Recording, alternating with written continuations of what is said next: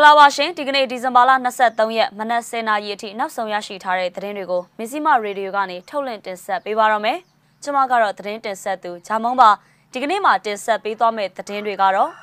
ဒေါ်နန်းခင်ထွေးမြင့်ကိုစစ်ကောင်စီကထတ်တိုးအမှုနဲ့280ထောင်နဲ့ချမှတ်တဲ့သတင်းစစ်ကောင်စီစစ်ကြောင်းဝင်လာလို့ရင်းမပင်ဒေသခံ9000ကျော်ထွက်ပြေးနေရတဲ့အကြောင်းတထုံမနေမြေကျော်လာတဲ့စစ်ကောင်စီလှုပ်ရှားစစ်ကြောင်းမိုင်းဆွဲတိုက်ခိုက်ခံရတဲ့ဖြစ်စဉ်အပါအဝင် နောက်ဆုံးရနိုင်ငံတကာသတင်းကိုလည်းရှုစားရမှာပါ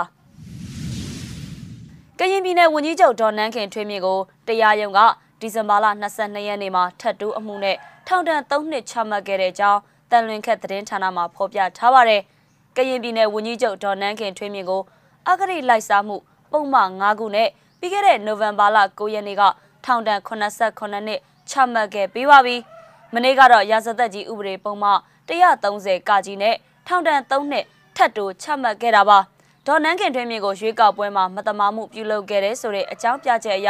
ရာဇသက်ကြီးဥပဒေပုံမှ130ကကြီးနဲ့ဆွဲဆိုခဲ့တာပဲဖြစ်ပါတယ်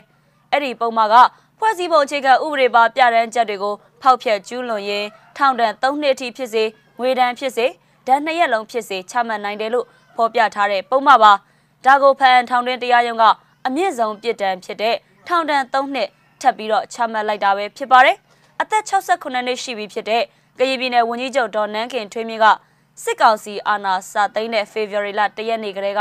ဖမ်းဆီးထိန်းသိမ်းခံရတာပါ။မတရားတဲ့ပုံမှန်တွေနဲ့တရားစွဲဆိုခံရပြီးတဲ့နောက်လက်ရှိမှာတော့နှစ်ပေါင်း80အထိထောင်ဒဏ်ချမှတ်ခံရတာပဲဖြစ်ပါတယ်ရှင်။စကိုင်းတိုင်းရင်းမပင်မြို့အနီးတစ်ဝိုက်ကကျေးရွာတွေစီစစ်ကောင်စီစစ်ကြောင်းတွေဝင်လာတာကြောင့်ဒေသခံ9000ကျော်ထွက်ပြေးနေရတယ်လို့ ရှင်းမပင်မြို့ဒေသခံတချို့ကအေယာဝတီသတင်းဌာနကိုပြောလာပါတယ်စစ်ကောင်စီရဲ့စစ်ကြောင်းတစ်ခုကမနေ့ကမနက်10:00နာရီဝန်းကျင်လောက်မှာရင်းမပင်မြို့အနောက်ဘက်ကနေလက်နက်ကြီးတွေနဲ့ပစ်ခတ်ပြီးတော့စစ်ကြောင်းချီလာပါတယ်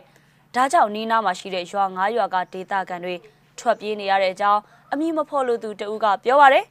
ရင်းမပင်မြို့ရဲ့အနောက်ဘက်မှာရွှေကူတောင်ဆိုတာရှိတယ်ပြောင်းပြရွာလို့ခေါ်ကြတာပေါ့အဲ့ဒီကဘုံကြီးเจ้าကိုဒီကောင်တွေကလက်နက်ကြီးတွေနဲ့ထုတယ်ပြီးတော့ထိုးစစ်ဆင်လာတာ လက်နက်ကြီးကမြို့အထွက်ကနေဒရက်ဆက်ပစ်တာအချက်30ကျော်လောက်ရှိမယ်လို့သူက AR သတင်းဌာနကိုပြောပြထားတာပါစစ်ကောင်စီတပ်ဖွဲ့ဝင်တွေကအင်အား100ကျော်နဲ့ပြစ်ခတ်ချီတက်လာတာကြောင့်ရင်းမပင်မြို့အနောက်ဘက်မှာရှိတဲ့ပြောင်းပြ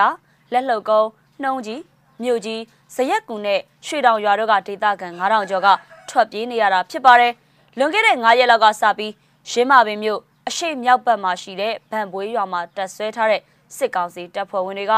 အင်အား100ကျော်နဲ့စစ်ချီလာတာကြောင့်အဲ့ဒီရွာတောင်ဘက်မှာရှိတဲ့စီလာအောင်ချမ်းသာနဲ့အောင်ချမ်းအေးစတဲ့ရွာ၃ရွာကဒေသခံ3000ကျော်ကလည်းထွက်ပြေးတိမ်းရှောင်နေရတဲ့အကြောင်းရင်းမာပင်မြို့ဒေသခံတွေကပြောပါတယ်လက်ရှိရင်းမာပင်မြို့နယ်မှာတော့နေရက်စွန့်ခွာထွက်ပြေးသူစုစုပေါင်းက8000ကျော်ရှိနေပါပြီဒီလိုစစ်ရှောင်နေရတဲ့သူတွေအတွက်လည်းအကူအညီတွေအများကြီးလိုအပ်နေတယ်လို့ကြားသိရပါတယ်ရှင်တထုံမြို့နယ်ကော့လိုင်းကျေးရွာနားမှာဒီဇင်ဘာလ22ရက်နေ့ညနေပိုင်းက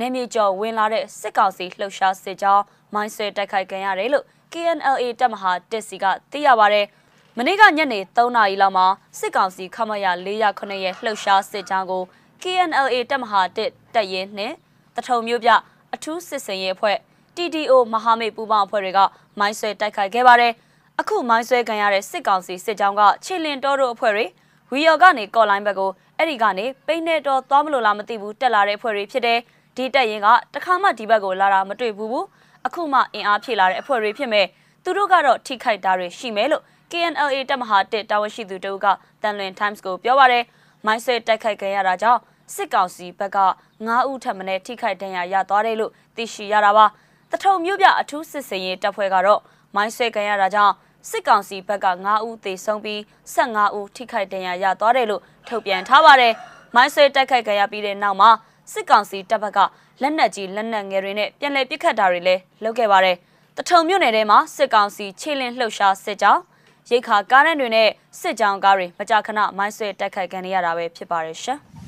။နိုင်ငံတကာသတင်းကိုလည်းတင်ဆက်ပေးပါမယ်။ရုရှားနိုင်ငံရဲ့နောက်ဆုံးထုတ်ရေငုပ်သင်္ဘောတစ်ကနေကလီဗာခရုစ်ဒုံးကြီးစမ်းသပ်ပစ်ခတ်တဲ့ရုပ်သံကိုရုရှားကာကွယ်ရေးဝန်ကြီးဌာနကတရားဝင်ထုတ်ပြန်လိုက်ပါတယ်။ သတင်းအပြည့်စုံကိုတော့ဆက်လက်ရှုစားရမှာပါရုရှားနိုင်ငံရဲ့ဒီဇယ်အင်ဂျင်နဲ့ခုတ်မောင်းတဲ့နောက်ဆုံးတော့ရင်ငုတ်သင်္ဘောတဲ့ Petro Pavlov Kamchatsky ကနေကာလီဘာခရုစ်ဒုံးကြီးစမ်းသက်ပစ်ကတ်တဲ့ရုပ်သံကိုရုရှားကာကွယ်ရေးဝန်ကြီးဌာနကတရားဝင်ထုတ်ပြန်လိုက်ပါတယ်။ဝန်ကြီးဌာနရဲ့အဆိုအရအဆိုပါရင်ငုတ်သင်္ဘောဟာပြီးခဲ့တဲ့တလမပြည့်ခင်ကမှရုရှားရဲ့ Pacific Data စစ်သင်္ဘောအုပ်စုအခြေစိုက်စခန်းကိုရောက်ရှိလာခဲ့တာဖြစ်ပါတယ်။ Petro Pavlov Kamchatsky ဟာ Pacific စစ်သင်္ဘောအုပ်စုမှာ တိကျမှုမြင့်မားတဲ့ကာလီဘာခရုစ်ဒုံးကြီးတွေတင်ဆောင်နိုင်တဲ့ဒီဇယ်လောင်စာနဲ့ရင်ငုတ်သင်္ဘောတွေတဲကတစင်းဖြစ်တယ်လို့ဆိုပါတယ်။ရွေလျားစစ်ကစားရင်းကနေရေအောက်ကပြစ်လွတ်လိုက်တဲ့ကာလီဘာဒုံးကြီးဟာကီလိုမီတာ1000ကျော်အကွာမှာရှိတဲ့ကဲယိုရန်ဘော်ကပြစ်မှတ်ကိုတိတိကျကျထိမှန်ခဲ့တယ်လို့ရုရှားအာဏာပိုင်တွေကဆိုပါတယ်။ နှစ်ဖက်အပြန်အလှန်စကားစစ်ထိုးနေချိန်